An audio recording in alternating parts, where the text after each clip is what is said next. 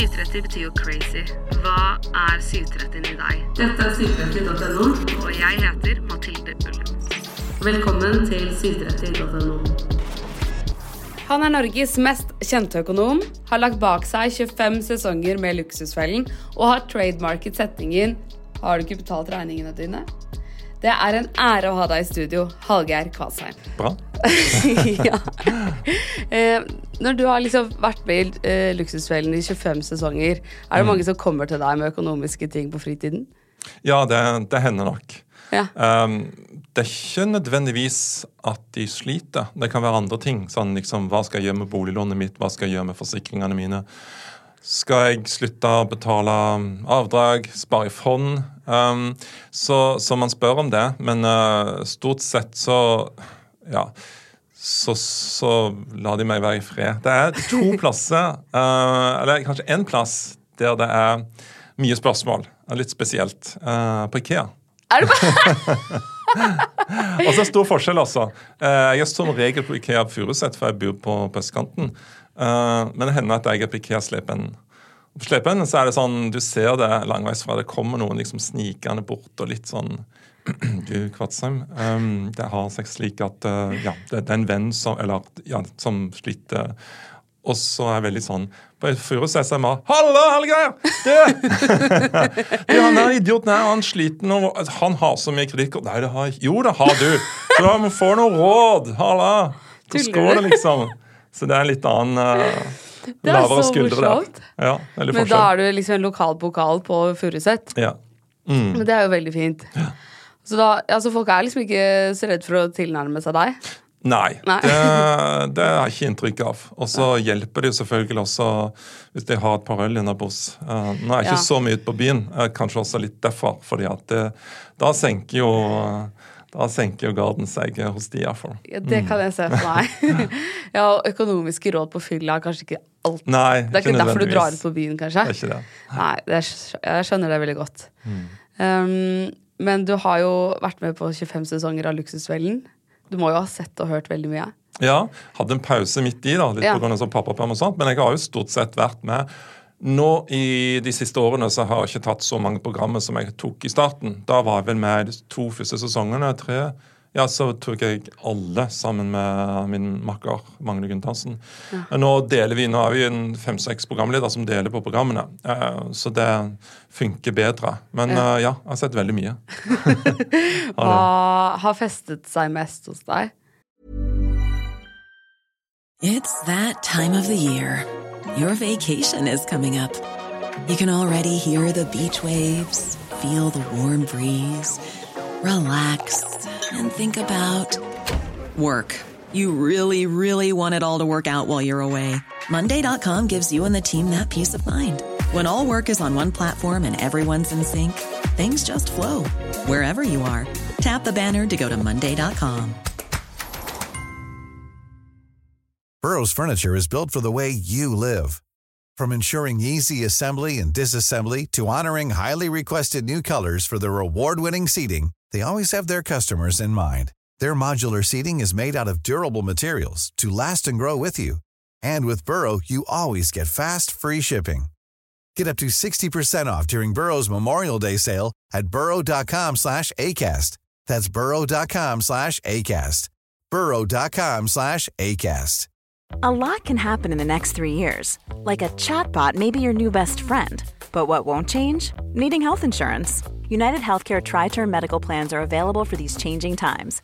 Underwritten by Golden Rule Insurance Company, they offer budget friendly, flexible coverage for people who are in between jobs or missed open enrollment. The plans last nearly three years in some states, with access to a nationwide network of doctors and hospitals. So, for whatever tomorrow brings, United Healthcare Tri Term Medical Plans may be for you. Learn more at uh1.com.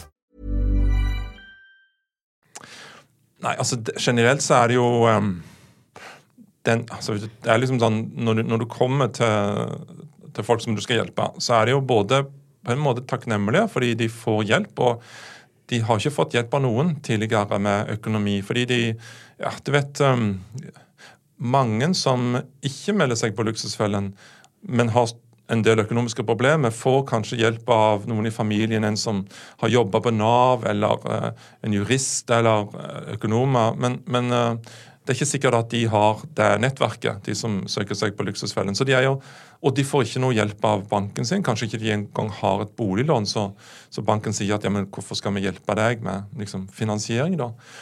de får ikke hjelp kanskje heller fra Nav. Mange får det, men det er klart det er jo mye pågang og, og ventelister. Eller rett og slett at de føler at OK, disse problemene er, altså, det er så skyld i de sjøl, så jeg skal prøve å finne ut av det sjøl også. Så når, kommer, når, vi kommer til de, så er de jo både takknemlige, men veldig spente. Uh, de er jo redd for at jeg skal kjefte på de, at jeg er skummel og streng og sånt. Og jeg må jo være samtidig litt sånn streng i starten. Men eh, etter hvert så, så, håper jeg at de ser at jeg også heier jo på dem. Eh, så jeg skal jo sørge for at de kommer på, på eh, en helt og bedre plass enn, enn de var. Så det, det, er liksom sånn Det er en, en, liten reise vi gjør disse veldig intensive tre-fire dagene vi er der og filmer. Mm, ja, det er en stor reise. Mm. Og det er, jo, det er jo kanskje noe av det mest sårbare man har. Det er jo liksom økonomien ja. sin. Det er jo ekstremt mye av liksom selvfølelsen din som ligger i det. det, det. Og veldig mye av identiteten din. Mm. Det var jo en undersøkelse, en bank som gjorde det for noen år siden, spurte eh, hvis du skulle flytte inn i et nytt nabolag, hva er på en måte det siste du vil fortelle dem om av sånn type ting som er litt sånn vanskelig og stigma? Og der var jo en kriminell fortid var liksom på, på nest øverst. Og øverst var det økonomiske problemet. Oi. Så det er liksom Det er fortsatt et ganske stort eh, stigma ja, å ha problemene. Mm. Ja, virkelig. Fordi man ser jo på mange av deltakerne også som Altså, det er jo vanlige mennesker som kunne ja. vært naboen din og min, og, mm. og, det kunne vært deg og meg, og det, det, er, det, er, det er jo ikke noe forskjell på mennesker som er med heller. Hele spekteret. Ja. Det er det. De er veldig modige som eh, mm. er med. Det sa jeg til deg ute på gangen nå. Og de inspirerer jo vanvittig mange, og det er noe jeg prøver å si hver gang, iallfall når vi drar fra dem. Mm. Så sier jeg at uh, det kan være at du ikke skal se så mye i sosiale medier og så videre rett etter episoden er lagt fram. fordi det er mange uh, brød, brødhuer som skal kommentere alt mulig som de ikke vet noen ting om. Ja. Men tenk også på at du er inspirasjon for utrolig mange. For, for den tilbakemeldinga for ja, Noe av det får de også, men jeg får jo veldig mye av det fra andre som har sett at OK, det nytta. Hvis de klarte det, så skal jeg også klare det. Uh, de ser at det er liksom ja, det er kanskje av og til nok å ta en telefon eller to, og, og man blir inspirert, motivert til å gjøre noe med, egen, med, med sine egne pengeproblemer når man ser uh, på de luksusfellene. Ja, ja, og så er det altså, det er jo det mange ofte kommenterer på sosiale medier, er jo f.eks. når overskriften er 'brukte så og så mye mm. penger på brus' eller et eller annet. Ja. Og så er det så innmari lett å le av, og så kan mm. du bare gå litt inn i deg selv. Sånn ja, ja. ja kanskje jeg drikker to Monster om dagen, da. Det er fort 60 kroner. Da kan du begynne å regne ut hvor mye penger det er. Vi er jo tross alt på toppen. Norge, altså, etter jeg forstått, på salg av Pepsi Max, altså i sånn absolutte uh, volum mm. ved siden av USA. Lille Norge er det som heller inn på noe så vanvittig i Pepsi Max. Det er ikke bare luksusfelledeltakere. Det er bredt, ass. Ja, ja, ja. Alle hjem jeg er liksom på besøk hos, så er det jo alltid Pepsi Max i kjøleskapet hos ja, folk. Ja. Og altså, det er jo det er jo ofte det de kommenterer på, men jeg tenker at alle de som kommenterer, sitter sikkert med samme problemene selv òg. Mange gjør det, ja. Mm. Men det kan føles ensomt å ha økonomiske problemer, og så bli hengt ut på nettet. og Er det noe du tenker over når du spiller inn episoden, at du er redd for hvordan det blir tatt imot? Ja, absolutt. Mm. Uh, spesielt hvis de har familie, barn. Uh, vi eksponerer ingenting av, av familien. Mm. Skjermer barna, de skal ikke være på, på skjermen overhodet. Men uh, man tenker jo etterpå om hvordan de opplever dette i etterkant på skolen og i nærmiljøet. men tilbakemeldingene er veldig positive. Ja. det er veldig få som har Altså Hvis de ser på sosiale medier og ser kommentarfelt, og sånn, så kan de nok uh, møte mye negativitet. Men uh, det som er direkte fra naboer, fra venner, fra familie, fra skolen, er det jo nesten utelukkende positivt, sier de. Veldig mange som syns de er modige. Veldig mange av andre barn som syns det er kult at uh, faktisk den familien er på TV. Men, men det er nå så. så de får veldig mye gode tilbakemeldinger. Det er, det er veldig bra. Det er godt å høre, For mm. altså, det er ingen som er modigere enn noen som tar tak i livet sitt for å skape en endring. Nei. Men er du like streng økonomisk med deg selv som du er på TV? Med meg sjøl Jeg har jo ikke noen sånn uh, Altså, jeg er jo ikke noen sløser, nei, det er jeg ikke. Nei. Bomba. uh, selv om det er jo liksom Det, med, det er sånn spørsmål jeg ofte får. ikke sant, Hva er det du sløser på? Så tenker jeg, ja, Det er jo veldig individuelt hva du tenker som sløsing. Og det kan være ganske forskjellig fra fra meg til, til, noen andre. ikke sant? For meg så er sløsing litt sånn å betale veldig mye for noe som jeg vet jeg kan få billigere hvis jeg hadde bare planlagt litt bedre. Altså sånn for eksempel, Jeg syns jo det er fælt å måtte kjøpe liksom, flyreise to dager før jeg skal reise. Det gjør jeg jo ikke. Altså Planlegge litt og prøve å kjøpe noen uker før, sånn at prisen er billigst mulig. Um, så ja, så, så, I så måte er jeg jo litt kanskje streng uh, med meg sjøl. Ja. Det er jo godt å høre at vi har samme økonomiske sans på akkurat det. Ja, ja, ja. Men sånn, sånn, som på Luksusfellen så er det veldig mange av deltakerne som kjøper masse brus og Monster og snus mm. og Lotto og liksom, sånne ting. Gjør du det? Nei, jeg har liksom ikke det. Nei. Det har ikke det genet i meg at uh, Er det sant? Ja. Uh, det er bare, jeg vet ikke om det er tilfeldig ja, Det er ikke sikkert ikke tilfeldig. Det er vel det at jeg liksom tenker at hvis jeg først begynner å, uh, å snuse Jeg, jeg merker det når OK, dette er steinalderen. ok? Jeg, tar, jeg, skal ta deg tilbake til det som kaltes Sjøbua på Brusand på Jæren. En liten kafé. Der fantes det en kroneautomat. Har du spilt den? Nei, du har ikke spilt den. Kroneautomat, Du putter på en krone, og så kan du spille på den, liksom? Nei, ja, men det er liksom sånn, sånn eh, Du putter på en krone, og så skal du prøve å treffe den krona nesten som et slags flipperspill.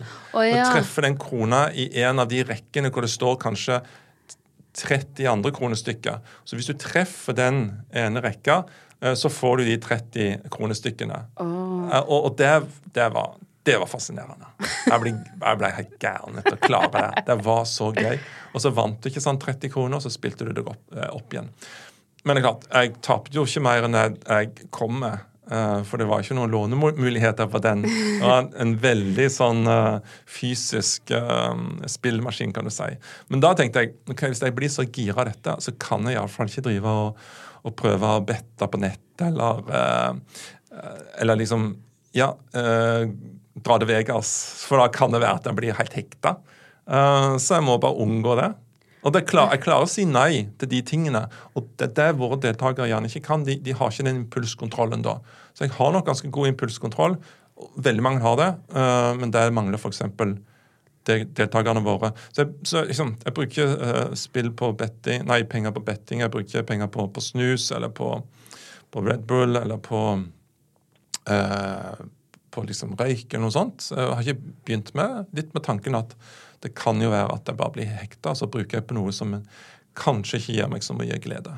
Ja, Og så har du høy konsekvenstenkning, fordi du sitter jo nå på forhånd og tenker hvis jeg venter med å kjøpe disse flybillettene, så blir de dyrere, og da sløser jeg penger. Ja. Hvis jeg uh, har penger med bort dit, så kommer jeg til å bruke de opp. Ja. Og liksom hvis jeg, hvis jeg, lager matpakke, så blir det billigere. Mm. Og det er jo den første feilen jeg og mange andre gjør. Da, ja, man, man tenker ikke konsekvensene. Ja, nei. Jeg vil sove litt lenger. Å, nå fikk jeg dårlig tid. Ja, ja, jeg bare kjøper noe på veien. Ja, og så, så lav impulskontroll og lav konsekvenstenkning.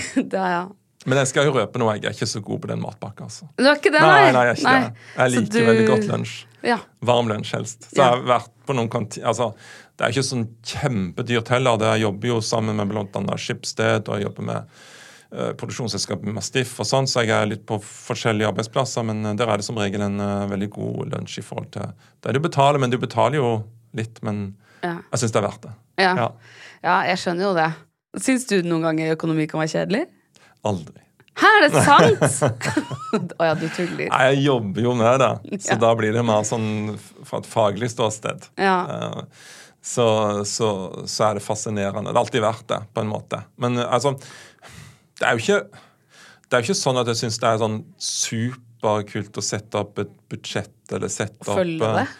Nei, men nå er det litt sånn når du etter hvert når du har liksom bala med økonomi eller hatt en familieøkonomi i mange år, så, så, så, trenger du ikke nødvendigvis sette opp et budsjett heller, for du vet sånn cirka hvor, hva det går i. Mm. Så, uh, men, men det er sett opp det er ikke sånn i utgangspunktet sånn... Så jeg eh, stormer ikke av gårde for, for å gjøre det, liksom. Men, eh, men, men jeg jobber jo med dette til, til vanlig, så da, da blir økonomi også kjekt på den måten, kan du si. Ja, Mm. jeg skjønner. Og har, har du alltid vært interessert i det? Ja, nesten. Eh, Jeg tror jeg leste en artikkel hvor det, hvor det sto at du hadde liksom begynt å investere i dine første aksjer da du Mm. var tenåring. Ja, jeg var 15 år eller noe sånt. Jeg tok Det- med mor mi på den lokale banken. Da var det ikke mye bank i det, kan jeg fortelle deg. Så da måtte jeg liksom gå ned på den lokale filialen. Mor måtte skrive unna at jeg kunne kjøpe aksjer, eh, og så, så lage inn ordre. Kjøpte mine før- første under rederiet heter Bergesen, tror jeg. Tjente ganske mye på det. Eh, solgte de, og var, var liksom sånn eh, Wolf of Wall Street, følte meg, som 15-16 år. Eh, og gikk sånn all in på ny aksje, som var en litt sånn mer obskur greie. Et lite rederi i Stavanger tapte hele gevinsten. Så da var jeg liksom tilbake på scratch. Oi. Der var en ganske egentlig nyttig lærdom, da. Uh, på at de, de pengene du, du tjente, eh, like raskt kunne, kunne tapes. Så Ja. så ja, jeg var interessert i, i kjøp og salg av aksjer. Og gjorde det i mange år, helt til egentlig det begynte i, i mediene. Og da ble det sånn stress og um, og gjør det samtidig som du, du, du skrev for, for et mediehus. Uh, det var så mye restriksjoner at jeg bare kutta det ut. Uh, hei til dere i, på Stortinget og i departementet. Kanskje noen andre så også som burde tenkt på det. Ja, det er veldig mange som burde ha tenkt Ja. på det. Ja. Og som i tillegg går i møter og forhandlinger med Ja, ja. de de kjøper aksjer. Ja, det er. Og sannsynligvis ville tjent mer penger hvis de bare la det inn i et uh, ganske kjedelig, passivt eh, indeksfond. Ja, Mm. fordi eh, time in the market beats timing in the market. Helt riktig. Veldig bra til det. Nei da. Planning for your next trip? Elevate your travel style with Quince. Quince has all the jet setting essentials you'll want for your next getaway, like European linen, premium luggage options, buttery soft Italian leather bags, and so much more. And is all priced at 50 to 80% less than similar brands. Plus, Quince only works with factories that use safe and ethical manufacturing practices. Pack your bags with high-quality essentials you'll be wearing for vacations to come with Quince. Go to quince.com slash pack for free shipping and 365-day returns. Quality sleep is essential. That's why the Sleep Number Smart Bed is designed for your ever evolving sleep needs. Need a bed that's firmer or softer on either side? Helps you sleep at a comfortable temperature? Sleep Number Smart Beds let you individualize your comfort so you sleep better together. JD Power ranks Sleep Number number 1 in customer satisfaction with mattresses purchased in-store. And now, save 50% on the Sleep Number limited edition Smart Bed for a limited time. For JD Power 2023 award information, visit jdpower.com/awards. Only at a Sleep Number store or sleepnumber.com. One size fits all seemed like a good idea for clothes Nice dress. Uh, it's a it's a t-shirt. until you tried it on. Same goes for your healthcare. That's why United Healthcare offers a variety of flexible, budget friendly coverage for medical, vision, dental, and more. So, whether you're between jobs, coming off a parent's plan, or even missed open enrollment, you can find the plan that fits you best. Find out more about United Healthcare coverage at uh1.com. That's uh1.com. Hvor er det du har vokst opp? Det er for en bitte liten plass som heter Kvassheim. Ja. eh, som ligger på, på Jæren, ute ved et uh, fyr. Det er bare noen få bondegårder der. Uh, morfar var jo bønder. Jeg vokste opp uh, på en gard med mine fem søsken. Vi er ikke en sekt, men det var liksom en ganske stor familie. Uh, og så Hvor mange søsken sa du det var? Fem. Vi var seks stykker. ja. stykk. Ja, dere var seks totalt. stykker. Ja, ja, ja. så det er en ganske god gjeng. Ja. Uh, også, ja, Den ligger eh, liksom mellom Bryne, uh, altså Braut Haaland land, Ja. og Egersund, hvis du tar den. Uh, ja. Det er rett ved der Isabel Rada vokste opp, kanskje? Ja, er ikke det mer Sandnes-aktig? Jo, det er det kanskje. Jeg trodde det var, hun var fra Jæren. Ja, kan være. Ja. Det kan være. Mm. Ja. Det er noen som sikker. kaller Sandnes også på Jæren, men Å ja. nei.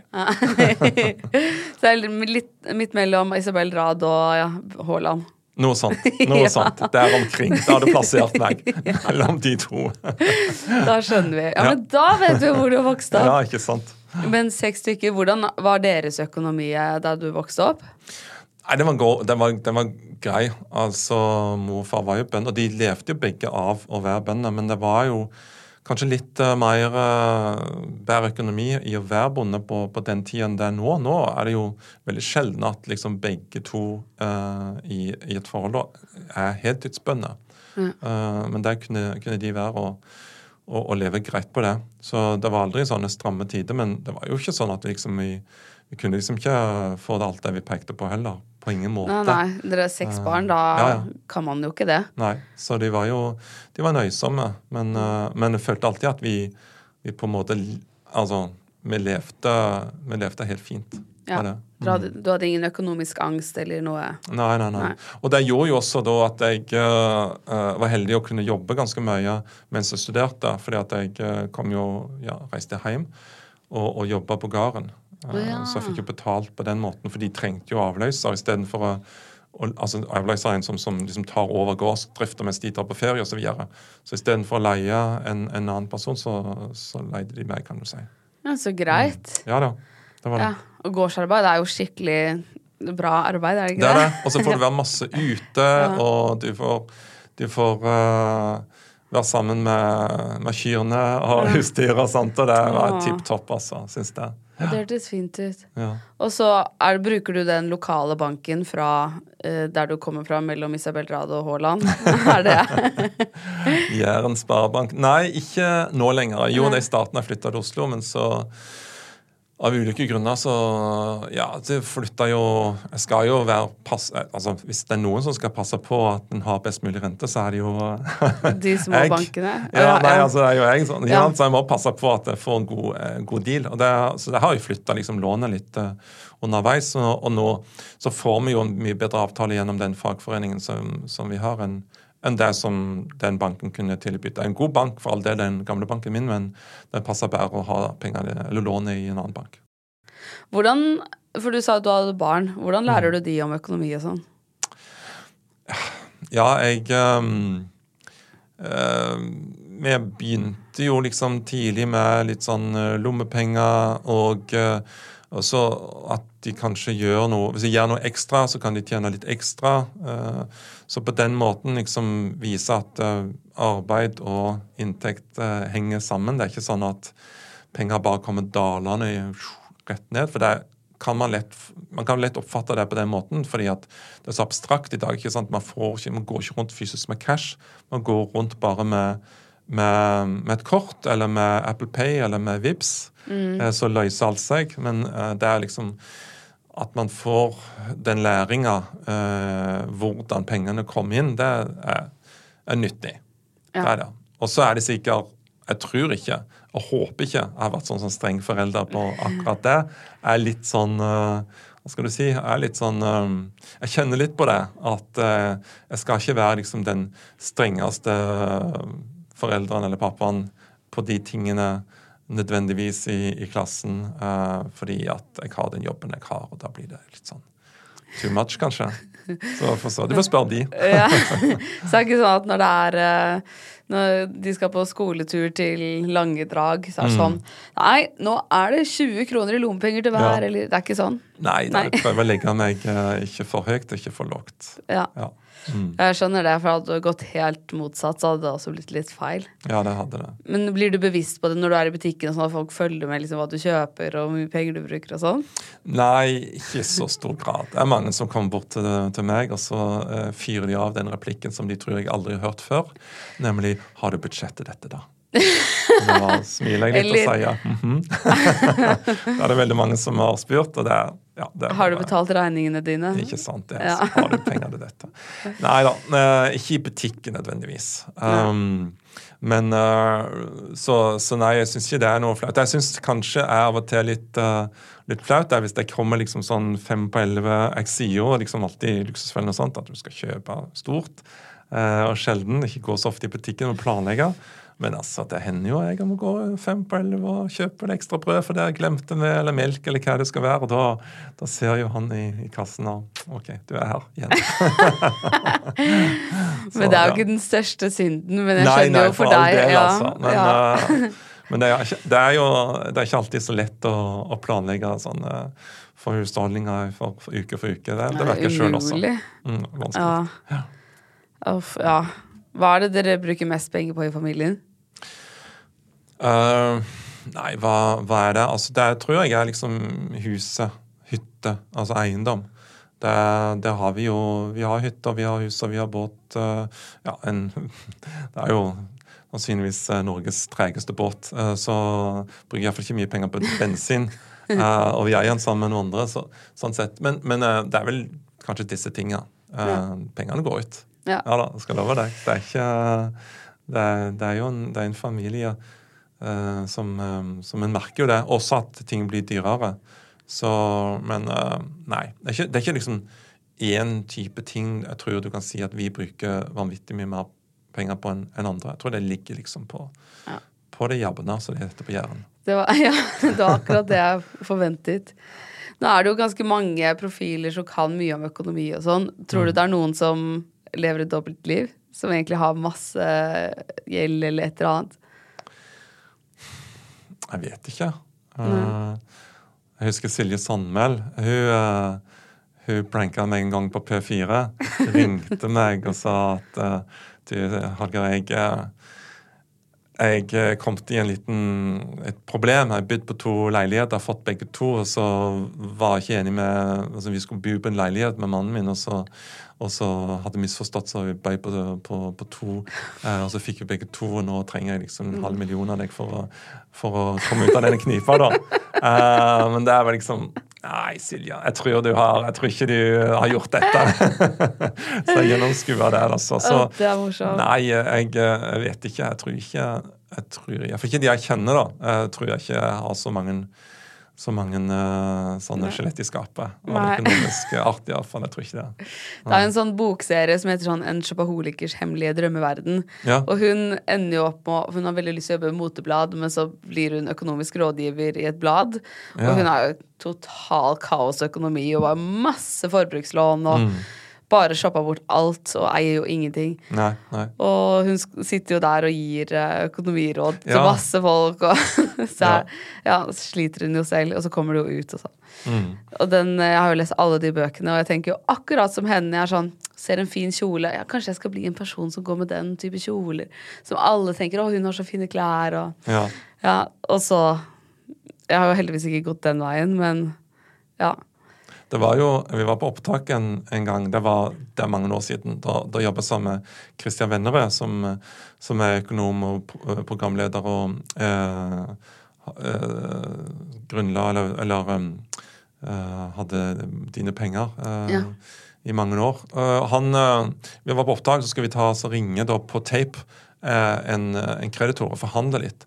Og så, så kom han ikke gjennom på telefonen sin. Det var bare sånn opptatt. Og så kom det en sånn automatisk melding med eh, for at vi skal eh, Telefonen er sperret pga. manglende betaling. For at vi skal liksom åpne den, så må du ringe sånn og sånn. Og bare, Nei, hva er det som skjer nå? Han ikke hadde betalt for telefonregningen? Oi! Så viser det seg å være en sånn greie med at ikke sånn, han flytta en, en brukskonto, og så de auto ikke sant, Ja, altså, de avtaletrekking, giroen, de, de hadde glemt å flytte. Så det, det var ikke det. Han, han var millionær, så han hadde råd til dette. Men det var bare en teknisk glitch, da. Men det var litt morsomt at det skjedde akkurat eh, på oppdrag med Luksusfølgen. Det er så morsomt! Oi, det er veldig gøy. Mm. Uff, ja. Nei, det, det er jo fort gjort at sånne ting skjer, og jeg har jo sittet med hjertet i halsen noen ganger og fått avvist kortet. Ja, ja. Og så er det sånn fuck, ja, jeg har fått lønnskonto på en ny, og så Ja. er avtaletrekking fra en annen. Åh. Det har skjedd med meg òg. Ja, det har skjedd med deg òg. Jeg har stått i kassen og fått avvist kortet. Åh, hvordan var det? Yes. Nei, altså, da visste jeg jo Jeg er jo så åh, Det var man, mer før da, kanskje. Da skulle liksom uh, For det var jo en periode hvor renta var høyere, sant? så da skulle du ha minst mulig på brukskontoen, for det var det 0% og så var det kanskje øh, ganske god rente på en sparekonto. Så da drev jeg på liksom å bytte pengene vekk fra øh, lønnskontoen til sparekontoen og så tilbake for å fylle opp. Og så vet du, av og til så la du ikke merke til at den nærmer seg null, og så kom du i butikken og sa «Dut-dut». No way. Uh, så da uh, Jeg sier ikke at dette er et godt råd, for det er det ikke. Men uh, jeg syns det var så flaut nettopp at det skjedde med meg, så da måtte jeg rett og slett uh, ha en sånn kontokreditt på, på, på kortet. Ja. Sånn at hvis det gikk inn i minus, så kunne jeg likevel betale, uh, betale i kassen. Ja. og så skyndte jeg meg hjem og så førte over penger, da. Men det, liksom, det, det var bare en sånn naturlig nok litt ubeha spesielt ubehagelig. ja, spesielt uh, ja, når du er selveste Hallgeir fra Luksusfellen. ja, så sånn kan skje. Mm. Ja. ja. Men da kan det jo skje med alle. Ja, ja, absolutt. Åh, jeg kjenner så mange som bare Nei, vet du hva jeg skulle gjort hvis det skjedde med meg? Men da kan jeg si herregud, til og med Hallgeir har opplevd det. Ja, ja, ja, det har skjedd. Det har skjedd. Mm. Ja, men det er godt. Men uh, er du klar for spørsmålsrunde? Ja, kjør på. Instagram spørsmålsrunde. Instagram spørsmålsrunde. Spør om hva du vil. Spør om hva du vil. Er du rik? Um, ja, i den forstand at jeg er ganske sånn fri uh, til å gjøre uh, det jeg vil, da. Uh, det har jeg gjort i mange år. Ja. Så jeg investert i å kunne ta ut tid. Og det er jo også en, en rikdom. Å kunne mm. disponere din egen tid, tenker jeg. Uh, og så har jeg jo hus eh, i Oslo. Jeg har hytter og, og, og, båter og sånn, så, så jeg, er, eh, jeg føler jo at jeg er rik, ja. Mm, definitivt. Hva tjener du i året? Nei, jeg er så dårlig på å dele akkurat sånt. Det er ja. mange andre i sosiale medier som har en med meg sånn Men det er, jo, det er jo fritt fram på å søke på, ja. på skattelisten og sånn, så det, det er mer enn nok, altså. Mer enn mm. nok. Mm. Mer enn nok, ja. Men har du boliglån og sånn? Ja da, det har jeg. Ja. Ja, ja, ja, da. Og jeg har ikke noen sånn superhast med å betale det ned heller, men det å få det ned på et sånt uh, Å få det ned på et uh, passende nivå, det er viktig. Å ha en god bufferen. Buffer i boliglånet sitt, det er, jo, det er jo kjempeviktig. Ja. Mm. Hva er liksom Hva er mye i et boliglån? Det kommer jo helt an på inntekten din og hva boligen ja. er verdt, da. Men hva er liksom et høyt lån? Altså, jeg syns jo at iallfall du bør prøve å få det lån innenfor 75% eller 60 av, av boligens verdi. da. Sånn at uh, Ja, altså hvis du hvis du, hvis du har en um, boligleilighet til to, to, millioner, og så har boliglånet på 1,2, så er det godt innafor. Ja. Det er 60% Det er godt innafor. Kanskje 75 er også mer eh, riktig. Det er halvannen million. At du har iallfall en buffer der. Sånn at selv om boligprisene går noe ned, og du kanskje må selge, eh, så er det ikke sånn at eh, altså, det du får igjen for boligen din, dekker lånet ditt og vel så godt. Ja. Og det er også sånn, Hvis du skal investere i noe annet, da, du skal kjøpe fond eller gjøre andre ting med pengene dine, så sørg iallfall for at uh, du har en god buffer i boliglånet. At det er kanskje er nede på 60% eller 75% altså, av boligens verdi. Så, så, så sørg for at den bufferen er der. Hei, Hallgeir. Hva er det morsomste du har opplevd som ikke er egnet på trykk i programmene? I, på, i programmet? Ja. Um, det må jo være når vi uh, uh, det, er ikke så mors, altså, det var ikke så morsomt for han, da. Men jeg må si, vi lo jo ganske godt. Og nå er liksom det gått så mange år at det er sikkert foreldelsesfristen er gått ut. Ja. Men det var en um, det var en, um, en som jobba i crewet. Altså, tingene De pengene vi drar rundt med, de er ekte. Hæ, er de? Ja, de er ekte. Uh, så pengetavla, uh, der setter vi på ekte penger. For Hvis ikke, så hvis jeg hadde hatt falske penger, så hadde vi blitt buret inne av holdt på å si, Norges Bank. Så du får ikke lov til å ha falske penger, med mindre de er sånn komisk store eller små. da. Så vi bruker ekte penger. Så Vi reiser rundt land og strand med 100 000 i bagasjen uh, i en safe. Eh, heldigvis så slipper jeg å, å, forholde meg til det, for jeg er kjempedistré, så jeg hadde glemt de. Eh, men det er en eh, person som er, som er, ansvarlig for det. Og for noen år siden så var vi på opptak i Bergen. Og vi skulle til Åsane. Han som var ansvarlig for pengekassa, han tok med seg de ut til bilen. Og du vet åssen det er. Når du har masse greier som du har hendene i, sånn, så, så, setter du gjerne ting på taket mens du låser opp eh, eller finner mobilen eller finner nøkkelen. Eh, du setter det på taket, setter deg inn i bilen kjører av gårde, og så glemmer du det, hva du hadde på taket. Så han kjørte av gårde med pengekassen. Det lille skrinet på taket av bilen. Og den Kom til Åsane, ja. Eh, tenkte Var det noe jeg Så på taket. Det hadde ingenting, selvfølgelig. Uh, og, og, eh, og fikk helt panikk. Ringte ikke oss, for han tenkte jeg må, jeg må finne det. Og så kjørte han tilbake. Det er en mil, tror jeg, fra sentrum til Åsane. Og kjørte veldig rolig inn i Fløyfjellstunnelen. For de som er lokalkjente, så er det ikke så lenge etter du har kjørt ut av sentrum. Og han tenker liksom OK, den pengeskrinet der Det kan være når jeg kjørte av gårde i 10-20-30 km i timen, så, det fordi det er ganske tungt, så blir det værende der. Men etter hvert så, så tar liksom vinden og skyver det av taket. Og ganske riktig, inni tunnelen så så han det. Ja. Han så det skrinet, og han blei så glad. Det kan jeg tenke deg sjøl. På å finne det skrinet. Stoppe bilen. Og da det hadde det ikke åpna seg? Hadde ikke åpnet seg. Å, det var der. Alle 100 000, eller nå er det inflasjon som var kanskje 60 000-70 000 da. Han fant det. Så det lo vi jo ganske godt av, da. Uh, Han turte å si det etterpå. han kjørte si det etterpå, ja. Mm. Oh, shit. Men det har vi ikke akkurat uh, Vi sa det jo heller ikke til produsentene eller noe sånt nå. uh, men nå er det gått så mange år at nå Nå er det greit. må de, må de kunne høre det. Åh. Har du noen gang tenkt at det er noen du ikke kan hjelpe? Det er så alvorlig?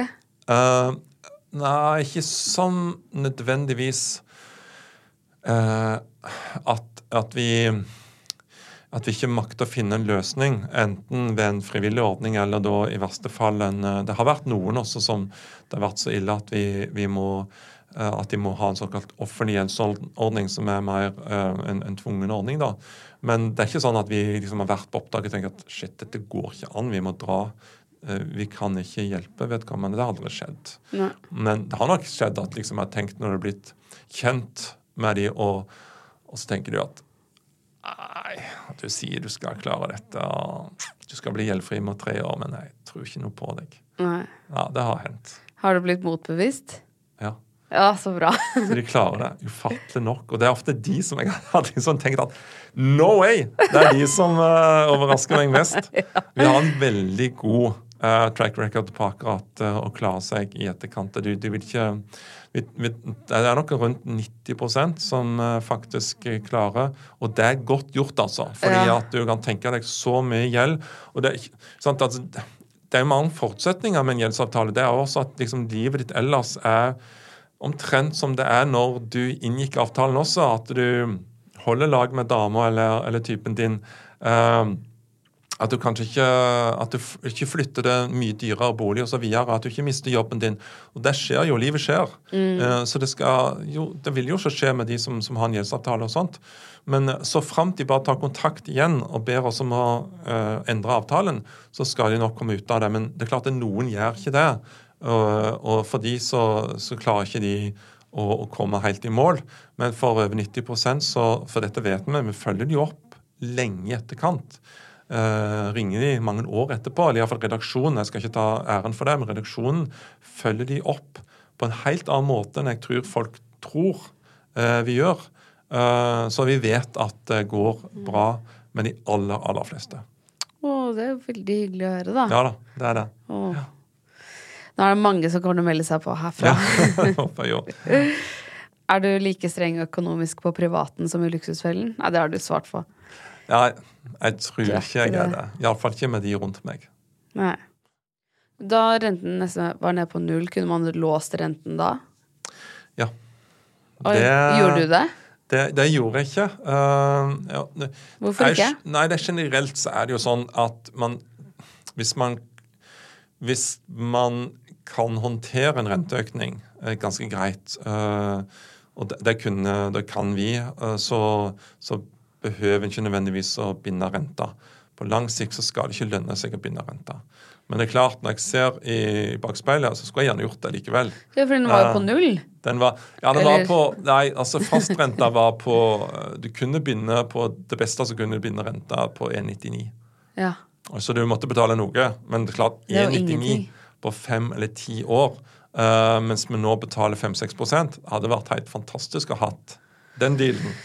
Så, men, men det er jo det er unntaket som bekrefter regelen om at det som regel ikke lønner seg. Uh, hvis du ser på lønnsomheten, lønner seg ikke å binde renta. Mm. Men det er jo fordi at du skal ha forutsigbarheten, uh, og det kan godt være at det for noen vil være riktig å binde renta også nå, selv om, uh, selv om det vil koste deg opp mot 5 å binde renta. Fordi at du skal fjerne risikoen for at du må selge boligen din hvis renta kommer opp mot 8-9% Så hvis du ser i dag Klarer ikke 8-9 men du klarer faktisk 5 så kan det være riktig å binde renta selv om det ikke er lønnsomt. Så vil det iallfall, hvis renta skal bli veldig høy, eh, forhindre at du må selge boligen din. Oi, oi, oi. Så det er ikke så lett, det her. Men uh, selvfølgelig, jeg skulle gjerne ha vunnet på, på 1,99, jeg. Uh, ja. Og jeg uh, anbefalte gjerne på foredrag og sånn. Så altså, jeg har framsnakka rentebinding i ganske mange år nå, fordi at jeg syns det er altfor få som binder renta. Kun 4% av alle låntakere har bundet renta si. 96% har flytende. og det er, for, det er bare for, for, få, rett og slett. Og vi kan ikke leve sånn så risikofylt med ikke alle de 96 bør leve så, uh, så, risikofylt som det er, tross alt med denne flytende renta. Vi er på, vi, det er jo nesten ingen andre land som har så få uh, fastrenteavtaler som Norge. Uh, går du til Danmark, så tror jeg litt over halvparten av bonderenta si. Oi. Mm. Hvorfor er vi så forskjellige? Nei, fordi at det er sånn, litt sånn Det har etablert seg noen myter om fastrente. Uh, blant annet at det er så komplisert, det er så vanskelig å komme ut av avtalene. Det er det ikke. Men det er klart hvis du bandt på et ugunstig tidspunkt, uh, så kan det være at du er nødt til å betale banken noe for å komme ut av den avtalen. Og så, og så vi, tenker vi litt som sånn at ja, på sikt så, så er det nok mer lønnsomt å la renta flyte. Men, men til, viss, til, til, hvilken pris, til hvilken risiko, og hvor høy risiko vil du, vil du tåle? Sant? Altså, eh, fastrente er egentlig en forsikringspremie. Du betaler litt mer eh, for å vite hva, hvilken rente du skal ha de neste fem til ti årene. Det kaller gjerne forsikringspremie. Uh, og den syns folk er litt sånn vanskelig å fordøye.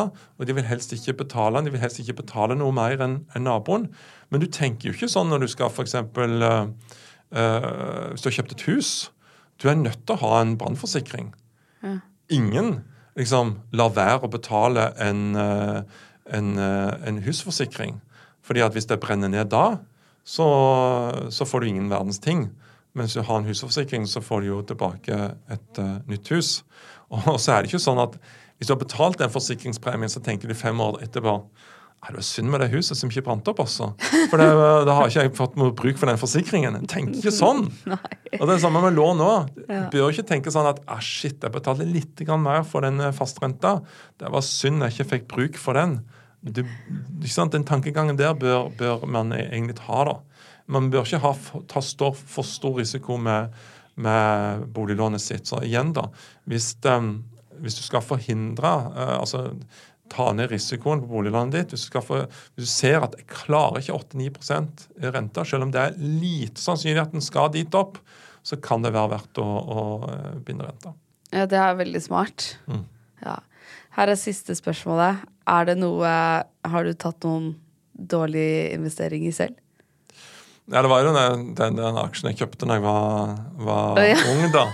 eh, og ja, så, så har jo eh, på enkelte aksjer så har jeg gått på noen smeller. Det har jeg jo gjort. Men ikke uten ikke, har jo hatt råd til å tape de pengene. Men, eh, men det var litt sånn etter hvert så, så fant jeg ut at både pga. at det var habilitet da, i forhold til at jeg jobba i en periode i et mediehus, så var det enklere å sette penger i fond, men også fordi at jeg merker på at eh, altså, de som jobber i fondet, eller det fondet, det passive fond, da, eh, gir mye bedre avkastning enn jeg kunne sjøl. Ja. Man tror ofte at den er smartere enn markedet. De fleste er mye dummere enn markedet. Så er meg inkludert. Ja, i hvert fall meg inkludert. Ja. det.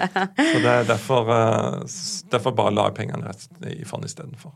Ja, det er veldig mm. smart. Så ja. du anbefaler altså, all, altså investeringer altså alle, altså Med en gang du kjøper en bil, da, selvfølgelig Det er jo en dårlig Du kan ikke kalle det investering, men dårlig kjøp.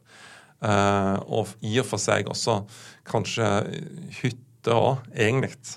Uh, fordi at um, man kjøper det kanskje på et sted som man liker å være sjøl, men det er kanskje ikke så lett å, å, leie ut. Og det er ganske store kostnader forbundet rett og slett bare med egen hytte, selv om vi ikke bruker den sånn kjempemye.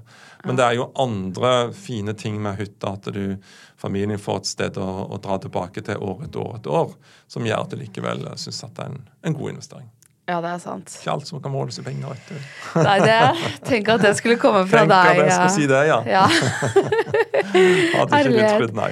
Jeg trodde du skulle komme hit og være sånn Har du ikke betalt regningene dine, ja, Mathilde? Nei, nei, nei hjelpe seg. Hjelpe seg. Det har vært så hyggelig å ha deg her. Ja, det var hyggelig å være her. Ja, ha det godt. Ha det fint.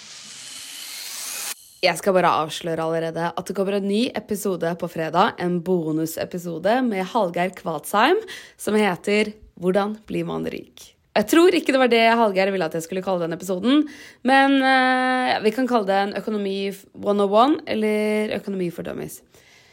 Vi skal lære masse, og jeg skal love deg at det her blir kjempegøy, og vi skal få svar på det alle lurer på rundt økonomi. Vi snakkes på fredag, og du, hvis du følger podkasten, så får du den nye episoden med en gang den slippes. Vi snakkes på fredag!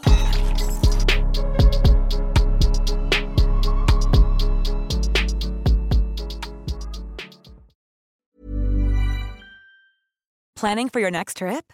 Elevate your travel style with Quince. Quince has all the jet setting essentials you'll want for your next getaway, like European linen, premium luggage options, buttery soft Italian leather bags, and so much more. And is all priced at 50 to 80% less than similar brands.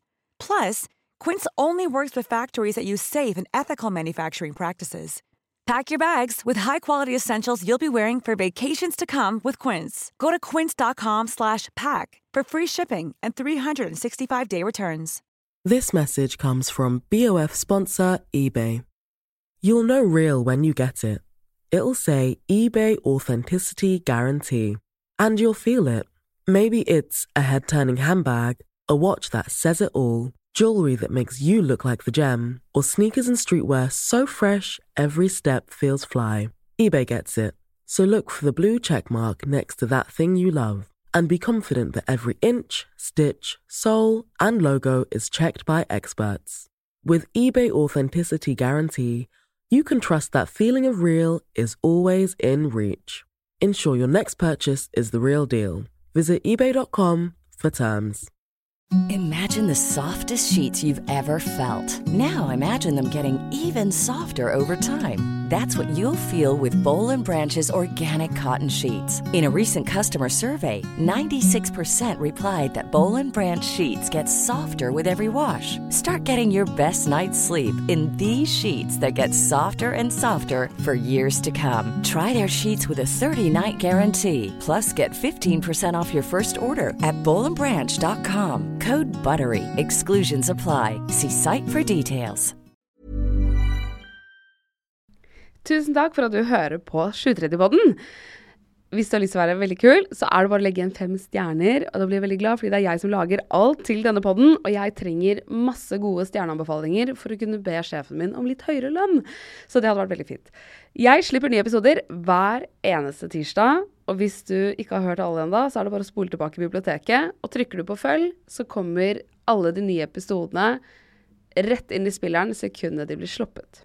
Send meg gjerne en DM hvis det er noen du har veldig lyst til å ha som gjest. Og husk at vi alltid poster spørsmålsrunder på Instagram Story, så da kan du få med spørsmålet ditt i neste episode hvis du vil det. Ha det bra!